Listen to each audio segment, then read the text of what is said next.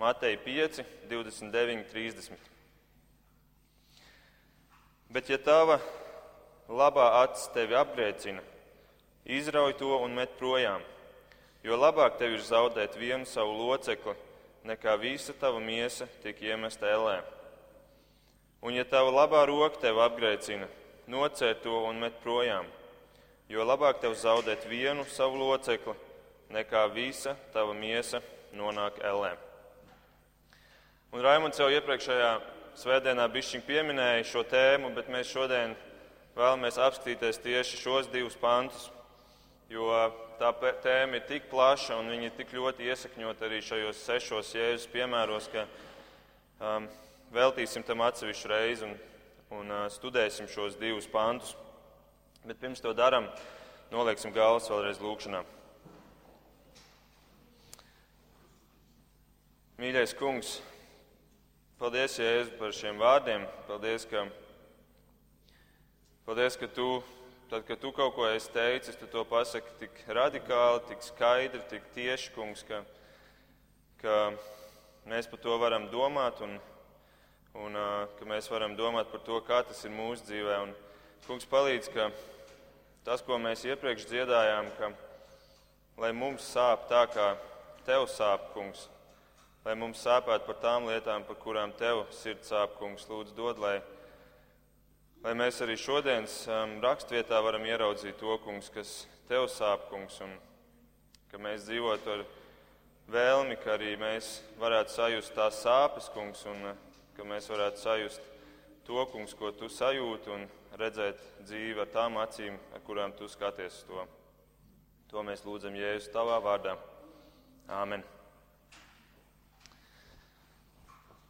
Tātad pasaule, kā mēs zinām, ir pilna ar problēmām. Un es bišķiņu uztaisīju mazu, kā jau internetā var ātri um, meklējumu, ierakstīju Google, kas ir tās lietas, ko pasaule, ko cilvēki šodien saka, kas ir tās lielākās problēmas pasaulē. Un, uh, tur visādi sāraksti ir top 10 lietas, un viņi visi gandrīz ir vienādi. Tur ir uzskaitīts šādas tēmas. Cilvēces lielākās problēmas ir piemēram kari un nemieri, Mēs to tagad arī redzam Ukrajinā. Okupācija. Šajā vietā es arī jūs sveicu 4. maijā. Mēs varam būt tiešām Dievam pateicīgi par to, ka mums ir brīva Latvija. Vēl citas problēmas - ekonomikas krīzes, terorisms, atomieroči, slimību epidēmijas, dabas resursu izsmelšana, globālā sasilšana, pasaules pārapdzīvotība, nabadzība, bats un tā tālāk. Tās ir tās lietas, ko, kad cilvēkam pajautā, kas ir mūsdienu lielākās problēmas, tad viņi šādas nosauc. Bet tās nav lielākās problēmas mūsu pasaulē. Ir viena cita problēma, kas ir daudz lielāka par visām šīm problēmām kopā. Jo patiesībā šī problēma ir cēlonis visām pārējām. Un kā jau jūs saprotat, tā problēma ir grēks. Grēks izraisa visus šos nemierus, karus, un uh, to dara cilvēku alkatība, lepnums, mantkārība, skaudība, naids. Un grēks bija pirmā problēma mūsu pasaulē, cilvēces vēsturē. Pirmā problēma, kad pasaulē bija ielikts cilvēks ēdienas dārzā, paradīzē. Un paradīze pastāvēja tikai tik ilgi, kamēr nebija grēka kad cilvēks krita grēkā, pasaule, paradīze pārstāja pastāvēt. Un tāpat arī paradīze atgriezīsies tikai tad, kad Dievs pasauli būs attīrījis no grēka, kā mēs to redzam atklāsmes grāmatas beigās.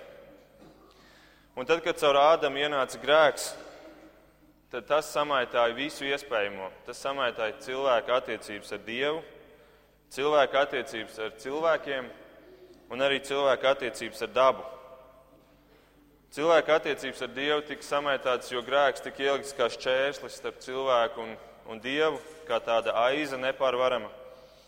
Cilvēka attiecības ar cilvēkiem tika sabojātas, un mēs redzam, ka jau Ādamam bērni, Kains un Ābels, ka viņu starpā jau notiek pirmā slepkavība, un visi nemieri ir šī grēka dēļ. Un tāpat arī cilvēka attiecības ar dabu, jo tajā brīdī visums saņēma lāstu un tajā brīdī pasaulē ienāca nāve. Un pirms šī grēkā krišanas nāves nebija. Un līdz ar to arī pasaulē, dabā nāve parādījās tajā brīdī, kad ienāca grēks. Un tā nu grēks ir iemesls visām problēmām, un nekad nebūs miera starp cilvēku un dieva, dievu, ja netiks atņemts grēks. Tāpat arī nebūs miera starp cilvēkiem, un nebūs arī miera starp cilvēku un dabu, kamēr nebūs iznīcināts grēks. Un tādēļ tikai samaksa, jeb grēka paņemšana prom var dievu un cilvēku savest kopā. Un tas pats attiecās arī tikai tad, kad grēks tiek paņemts prom un pazūd pilnībā tikai tad cilvēki tiešām dzīvos mierā. Un tas notiks kādu reizi debesīs mūžībā, bet mēs, kristieši, esam kā tāds mazs atspūgs jau šeit virs zemes. Vismaz mums vajadzētu tādiem būt. Un par to ir šī kalna svētruna. Tādēļ cilvēku lielākā problēma nav kari, vai globālā sasilšana, vai bats, vai jebkas cits, bet lielākā problēma ir grēks. Un tad mēs varam uzdot jautājumu, kas tad ir grēks? Un tas ir tik vienkāršs jautājums. Un mana sieva, tad, kad mēs mazajā grupā kādreiz uzdodam šādus vieglus jautājumus, viņa saka, tas jau ir tāds svētdienas skolas jautājums. Un šis ir varbūt tāds svētdienas skolas jautājums, kas tad ir grēks? Bet ļaujiet man pajautāt jums, ko jūs teiktu, ja jums nekristietis uzdot jautājumu, kas ir grēks? Ko jūs teiktu? Jānis 1. Jāņa 3.4. atbild uz šo jautājumu. Viņš pasaka, katrs, kas grēko, pārkāpja likumu, jo grēks ir nelikumība. Kad Dievs radīja šo pasauli, Viņš deva likumus. Un patiesībā Viņš pat dabā deva likumus, un zinātnieki tikai tādēļ sāka vispār pētīt dabā likumus, jo Dievs viņi no Bībeles zināja, ka ir likumi, ka Dievs ir devis likumus. Un Tāpēc viņi dabā arī atklāja likumus. Bet, ja tu dabā, piemēram, pārkāp vai ignorē kādu likumu, piemēram, tu no mājas jumta lec lejā, ignorējot gravitācijas spēku, tad tam ir sāpīgas sekas. Un tāpat ir ar dieva likumiem. Ja tu tos ignorē, tam būs sāpīgas sekas. Un atcerieties, tu vari ignorēt likumu, bet likums neignorēs tevi. Tātad grēks ir dieva likuma pārkāpšana, kā šeit Jānis saka. Un tad mēs varam jautāt, kas tad bija tie pirmie likumi, kurus Dievs deva? Es domāju, daudz teiktu, desmit baušļi. Tas bija tas pirmais likuma komplekts. Bet patiesībā Dievs jau iepriekš bija devis likumus. Dievs ēdenē deva jau likumu. Viņš deva vienu likumu cilvēkiem. Un tas viens likums bija no laba un ļauna atzīšanas koka tev nebūs ēst.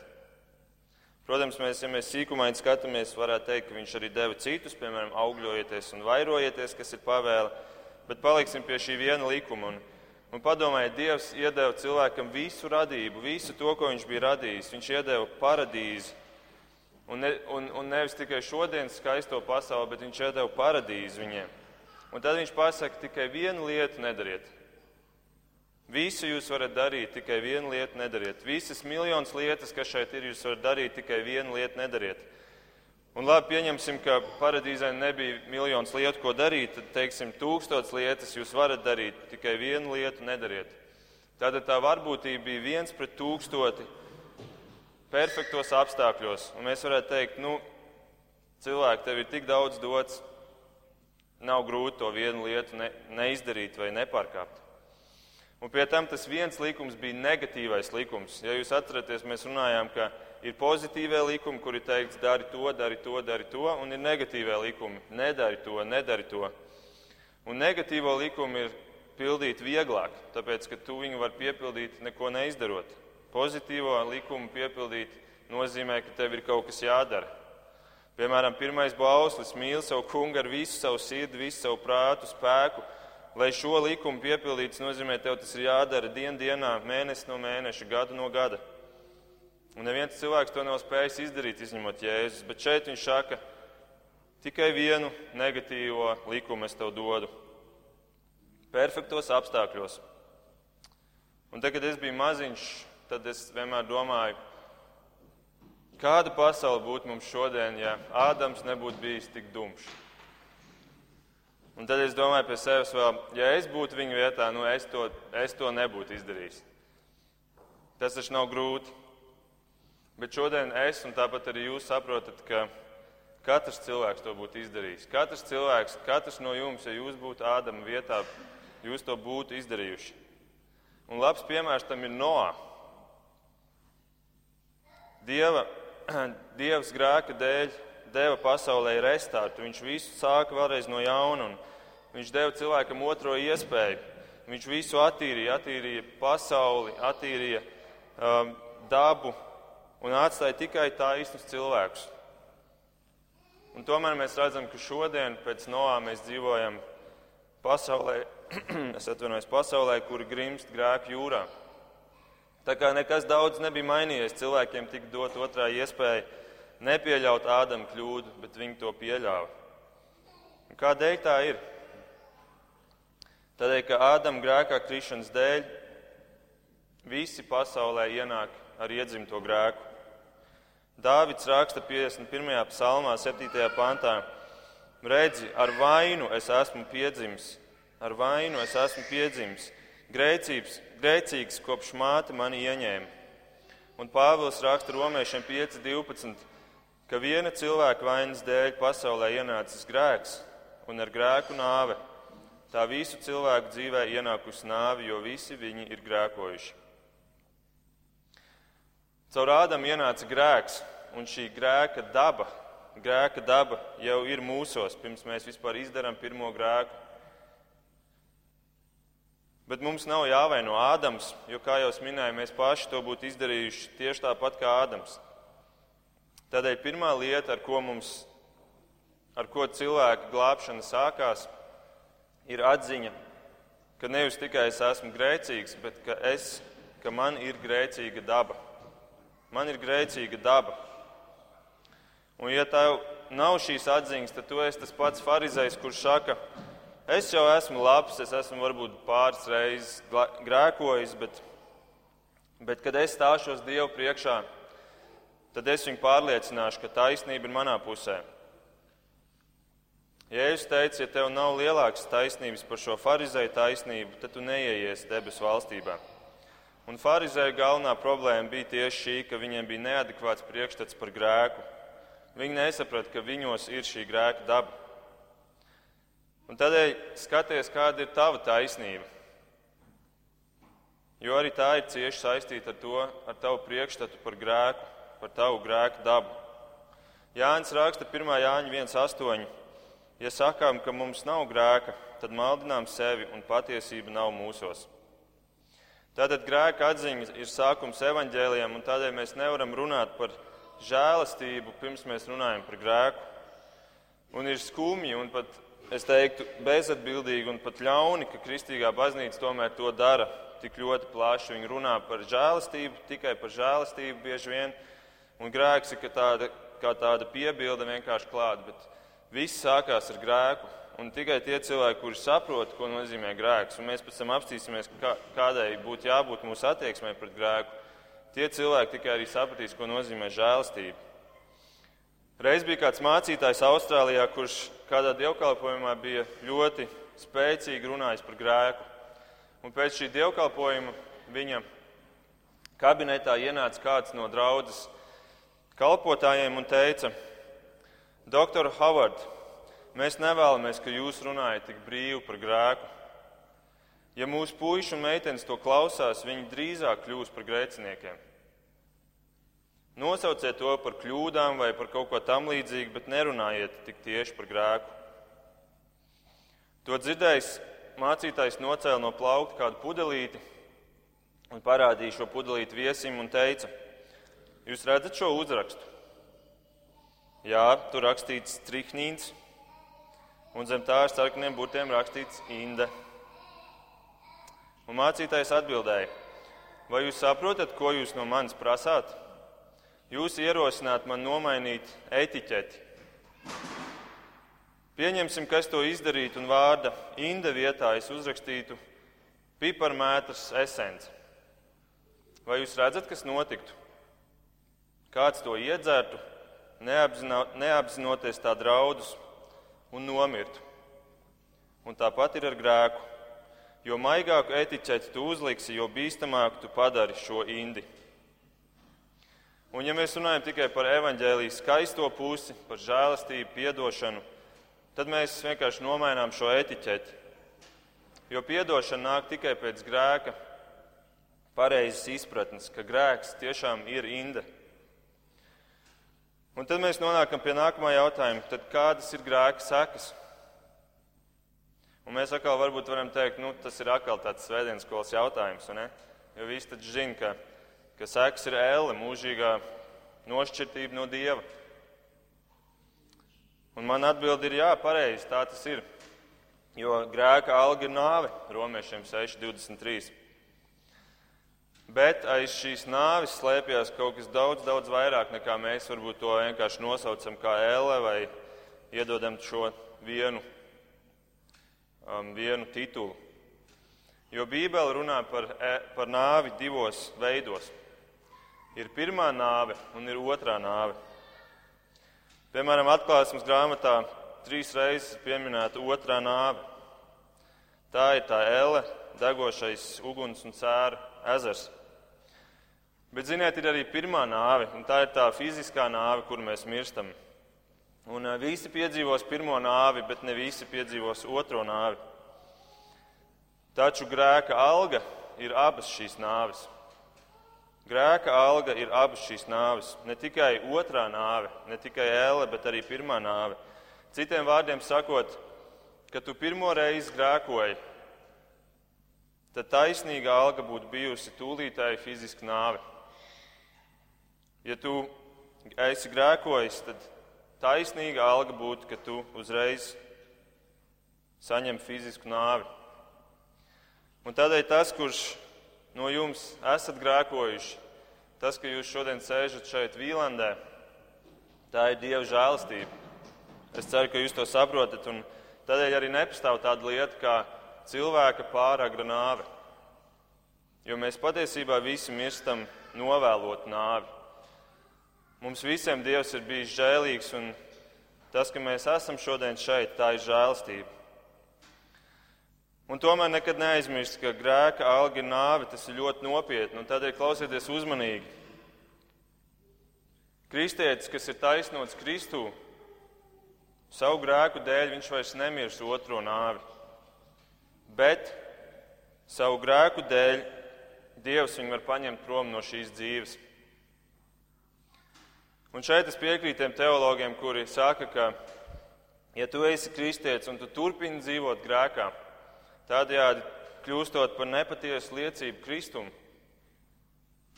tad var pienākt tas pēdējais grēka piliens, kad Dieva lielā, milzīgā pacietība ir izsmelta, un Viņš tev paņem prom no šīs dzīves. Un mēs, varbūt tas izklausās bišķiņ šokējoši, bet mēs redzam šādus piemērus Bībelē. Korintas draudzē bija rakstīts par vakarēdienu, ka nāca cilvēki, kuri pēc tam kļūst slimi. Un bija pat cilvēki, kuri nomira pēc tam, kad viņi nāca pie vakarēdienu. Kādēļ? Tādēļ, ka viņi bija necienīgi nākuši pie vakarēdienu, ēduši šo maizi un dzēruši Kristus, vī, Kristus asins vīnu. Un tas ir grēks, ka tu nāc un tu atstāji nepatiesu liecību. Tu pasaki, es esmu kristietis, es nāku pie Jēzus. Um, vakarēdienu galda, bet patiesībā es savu dzīvi es parādu kaut ko pretēju. Un šodien arī mums būs vakarēdienas, un tāpēc domā par to un, un, un, un pārbaudi sevi, kāda ir tava attieksme pret grēku. Vēl kāds piemērs bija Ananija, jeb jaunajā tulkojumā Hanaņa ar savu sievu Safīru, kuri publiski grēkoja, kur pateica, mēs esam kristieši, mēs esam daļa no draudzes, bet publiski grēkoja, un viņi abi nokrita miruši. Dievs viņus sodīja ar nāvi. Vai arī 1. Jāņa 5. nodaļā ir pieminēts nāves grēks, kam ir vairākas nozīmes, bet viena no šīm nozīmēm ir tas grēks, kurš ir pēdējais piliens, ar kuru Dievs te tev paņem prom. Viņš tev paņem prom, tāpēc, ka viņš saprot, ka ir labāk, ka tu vairs neesi šeit un ka tu nejauc gaisu šajā pasaulē kā kristietis. Un, tādēļ, draugi, grēkam ir nopietnas sekas. Tas nav tikai kaut kur tālumā, mūžībā, tas ir arī šodien. Un nedomājiet, ka jūs varat ilgi sadzīvot ar grēku.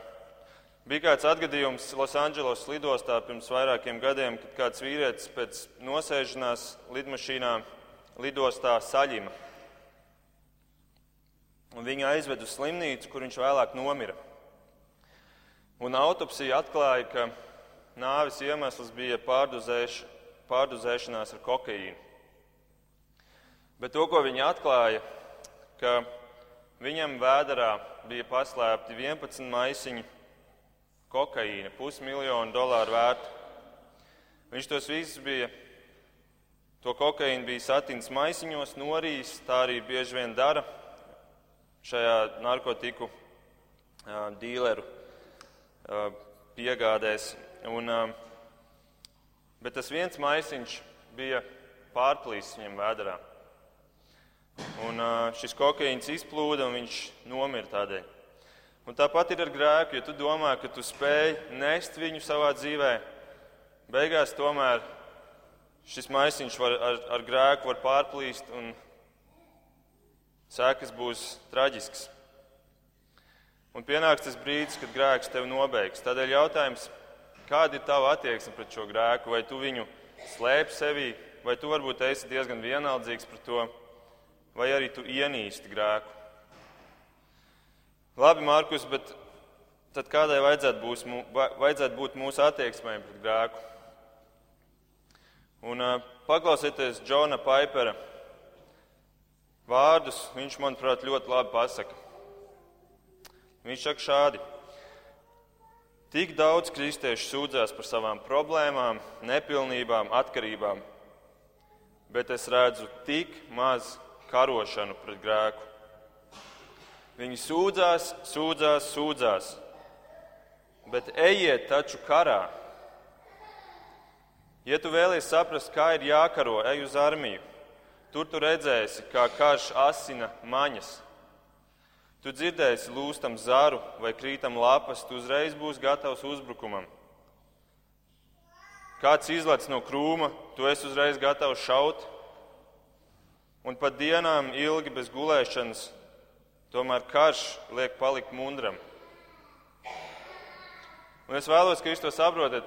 Ja mēs esam mežā ja, un mums te ir ienaidnieki un man ir ierocis rokā, tad es neiešu karā, uzlicis ieroci uz pleca un pastaigāšos. Es būšu gatavs, es būšu gatavs pie, katra, pie katras kustības šaut, un, un tādai ir jābūt mūsu attieksmei pret grēku. Un Paipers turpina. Tev nav jāiet karot pret kādu citu. Tev ir jākaro pret sevi pašu.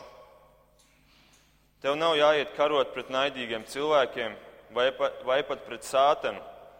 Vēstulē romiešiem, kurā Pāvils runā par grēka apspiešanu, sātans parādās tikai 16. nodaļā. Sātanam nav ne tuvu tik liels teikšanas par grēku, kā tev pašam. Citādi beigas.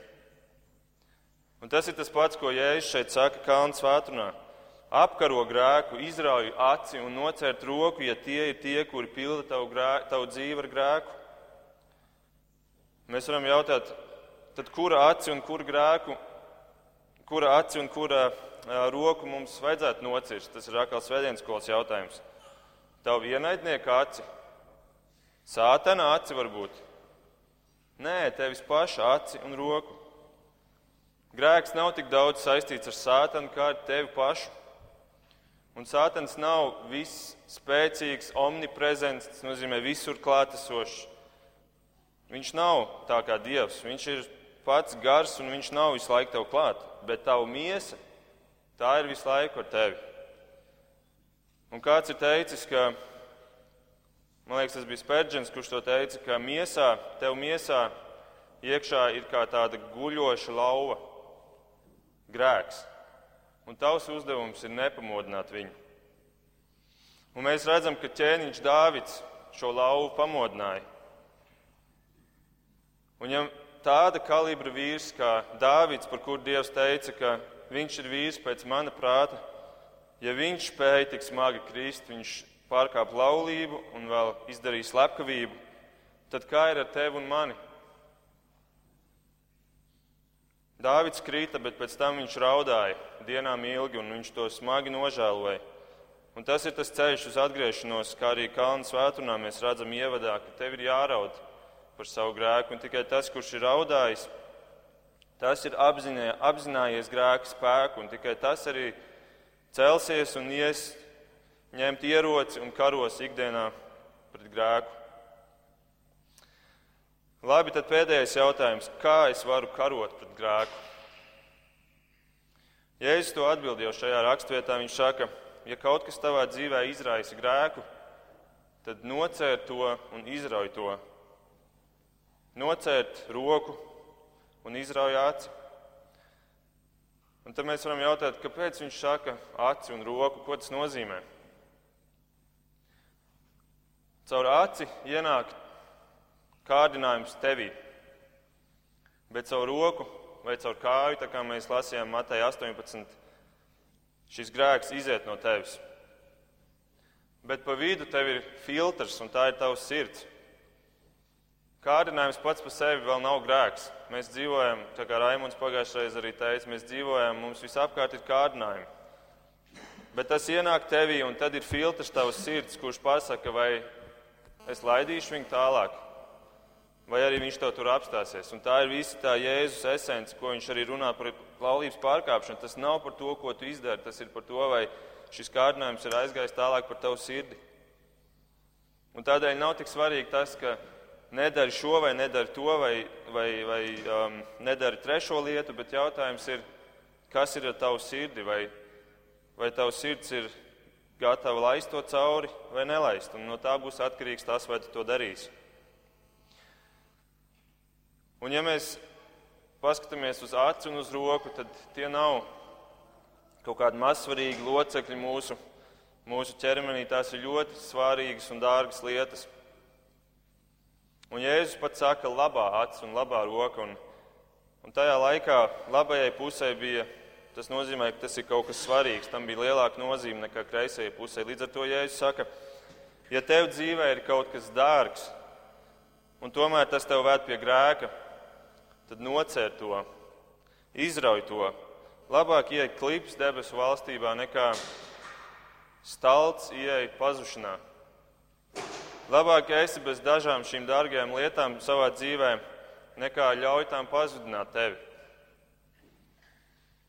Un kad tu būsi šāds klips, kad tu dzīsies pēc svētas dzīves, tad arī daudzas lietas tavā dzīvē sāks kārtoties. Ja tu šodien cīnījies ar problēmām, un tu netiec ar viņām galā, tad vispirms paskaties, kā, kāda ir tava dzīve, cik tu ļoti dzenies pēc svētas dzīves.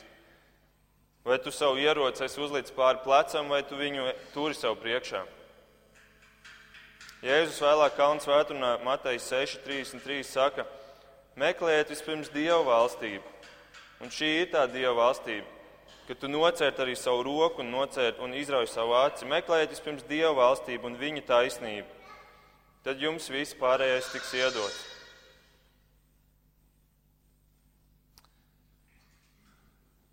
Labi, Markus, bet kā praktiski izskatās šī apspiešana? Un Girts jau pieminēja, es savu cirvītu mājās aizmirstu, tāpēc es nevarēšu parādīt praktiski. Labi, labi. Bet, um, Ko nozīmē nocirst roku un izraut aci? Un es jums iedošu trīs pavisam īsus punktus. Turieties pie saviem soliem, jo tie būs ļoti īsi. Pirmais punkts - kontrolē savu miesu, nevis ļauj tai kontrolēt sevi. Un paklausieties, kā Ieps to darīja. Viņš 31. nodaļā, 1. pantā saka par sevi: Es noslēdzu derību ar pašu acīm, ka es neuzlūkošu nevienu jaunavu.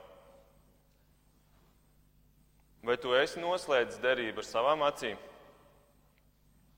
Vai tu skaties, lasi, visu laidi iekšā sevī bez filtrēšanas, ja tomēr tu savām acīm esi pateicis, ka ir kaut kāda, kaut kāda robeža, kurai es nekāpšu pāri?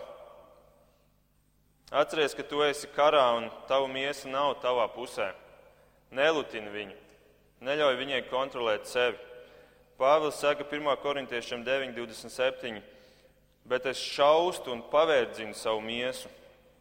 Es šaustu un pavērdzinu savu miesu. Viņš kontrolēja savu miesu, nevis ļāva miesai kontrolēt sevi. Tātad pirmā lieta - kontrolē savu miesu, nevis ļauj tai kontrolēt sevi. Otrais - ņem zobenu rokās, ja jau tu ej karā. Un kas ir tas zobens? Efeziešiem 6, 17. Ņemiet gara zobenu, tas ir Dieva vārdu. Dieva vārds ir vislabākais ierocis karam. Tas nav tikai zobens, tas ir arī tas, tā šautene, kur es jums iepriekš rādīju. Jēzus, piemēram, to ņēma tad, kad kārdinājumi nāca viņam virsū, kad sātens viņu kārdināja. Viņš visas trīs reizes atbildēja ar stāvu rakstīts, stāvu rakstīts, stāvu rakstīts. Un karā tu esi, tava dzīvība ir atkarīga no ieroča bieži vien. Tāpēc arī šajā karā ir svarīgi, ka tu ņem Dievu vārdu rokās. Džons Baņins teica šādus vārdus: Šī grāmata atturēs tevi no grēka, vai arī grēks tevi atturēs no šīs grāmatas. Tavs ienaidnieks grēks, viņš grib tevi atturēt no šīs grāmatas, jo viņš zina, ka šī grāmata cirtīs viņu smagi. Un tāpēc Tā ir tava izvēle, vai tu šo grāmatu ņem un lieto savā ikdienā kā ieroci. Trešais - necīnies vienatnē, bet ņem sev palīgus. Necīnies vienatnē. Jēzus saka, izrauj aci un nocērt roku, un šie, abas šīs darbības ir sāpīgas. Vismaz mēs tā varam iztēloties. Un tāpat ir, ir, ir sāpīgi izstāstīt kādam citam cilvēkam par savu grēku. Tas ir sāpīgi, tāpēc mēs to nedaram. Bet tomēr, ja tu to darīsi, tam būs kāds liels ieguvums. Un to mēs varam lasīt Jēkaba 5.16. Tad nu izsūdziet cits citam savus grēkus un lūdziet cits par citu, ka jūs to pat dziedinātu. Taisna lūdzēja lūgšana spēja panākt daudz. Izsūdzot citam savus grēkus, tu iegūsi lūdzēju, kurš iesaistīsies tavā cīņā. Tu vairs nebūsi mežā viens pats, bet tev būs blakus cilvēks, kurš palīdzēs tev. Un, ja tu stāstīsi tikai dievam, tad tev nebūs šī cilvēka. Tu būsi kā tāds partizāns mežā viens pats, tāpēc labāk ej un ņem savu palīgus, ej tur, kur tev ir atbalsts, draudzē. Bet nestāst arī kuram katram cilvēkam, bet Stāsti taisnam cilvēkam, jo taisna lūdzēja lūgšana spēja panākt daudz. Labi, vēlreiz savalkot kopā. Vai tev ir svarīgs Dievs?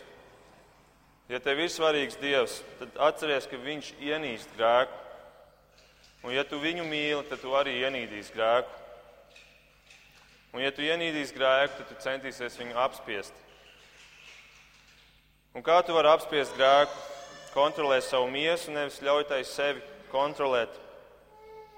Ņem rokā zobenu Dievu vārdu un necīnies viens, bet izsūdz citiem grēkus un ļauj, ļauj tev palīdzēt tavā cīņā. Un tad ar to tu izrausi un nocirtīsi to, kas tev tavā ikdienā ved pie grēka, tavu aci un tavu roku, kuri tevi ved pie grēka. Ļaujiet man noslēgt ar vienu stāstu. Īrijā pastāv kāds baronu ordenis saukts par Onīla sarkanā roka. Īrijas senajā vēsturē bija teritorijas, kuras tika piešķirtas baroniem, un tā, kad viņiem viņas piešķīra, tad viņi tur sāka valdīt. Un bija viena šāda brīvā teritorija, uz kuru devās kāda cilvēka grupa ar laivām. Un kopā ar viņiem bija komandieris, kurš bija atbildīgais par šī barona iecelšanu. Un viņš bija tāds drosmīgs un vīrs, kurš uzdrīkstējās šo to, un viņš ar skaļu saucienu nodeva rīkojumu. Pirmais, kurš uzliks roku šīs zemes, iegūst to īpašumā un kļūst tajā par baronu. Un šajās laivās brauca dažādas ģimenes, un vienā no šīm laivām sēdēja šis vīrs vārdā Onīls ar savu ģimeni.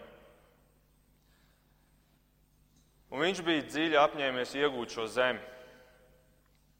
Un tā nu viņš airēja izmisīgi, airēja un airēja. Bet bija kāds, kurš bija ātrāks par viņu.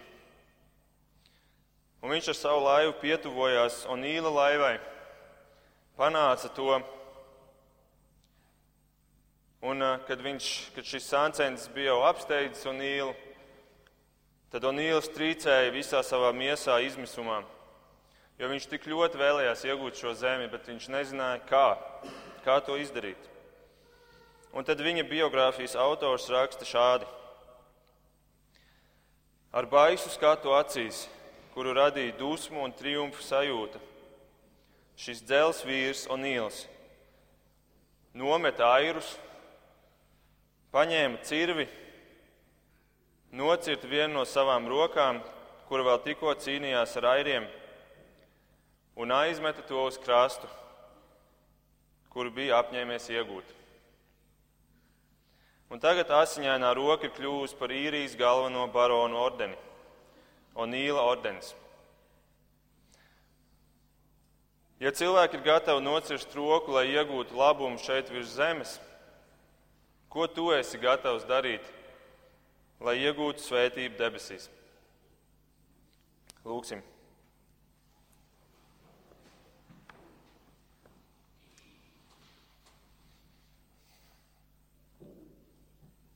Mīļais kungs, paldies tev par šo dzīvi! Paldies, ka tu mūs esi radījis tik pilnvērtīgs, tu mums esi devis tik daudz, kungs, un tu mums esi devis rokas un kājas un acis. Un, kungs, tu vēlies, ka mēs ar, šīm, ar šiem locekļiem pagodinam tevi, ka mēs kā kristieši arī patiesu liecību sniedzam par tevi tiem, kuri skatās uz mums, kuri vēro mūsu dzīves, kungs. Un, Palīdz, kungs, ka mēs varētu dzīvot ar to sirdi, kāda ir tev, kur saka, ka, ja ir kaut kas, kas nepilda šo mērķi, ar kuru tu esi radījis šos locekļus, tad palīdz mums, ka mēs būtu gatavi no tiem atteikties. Nevis fiziskā veidā, kungs, bet garīgā veidā.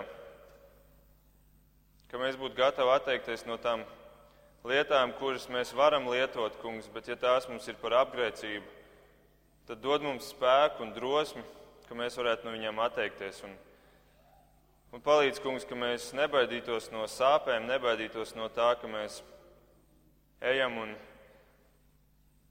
un esam atklāti pret grēku, kungs. Bet tā kā tev tas ir dārgi, tad palīdz, ka arī mums tas būtu dārgi. Un, ka mēs varētu būt kristieši, kuri, kuri parāda patieso patieso Dievu, tāds kāds tu esi, kungs, un, un ka tu esi Dievs, kurš ienīst grēku, un tāpēc palīdz mums dzīties pēc svētām dzīvēm, kungs. Un, un lūdzu, svētī mūs, lūdzu, dod, lai, lai mēs saprastu, cik tas ir svarīgi, ka mēs dzīvojam un dzenamies pēc tavas valstības, ka mēs dzenamies pēc svētas dzīves, kungs, lai arī tu vari mūs svētīt ar visu to pārējo, kas mums ir dārgs. Paldies, Tev, Kungs, un lai Tev ir gods un slava un pateicība. Āmen!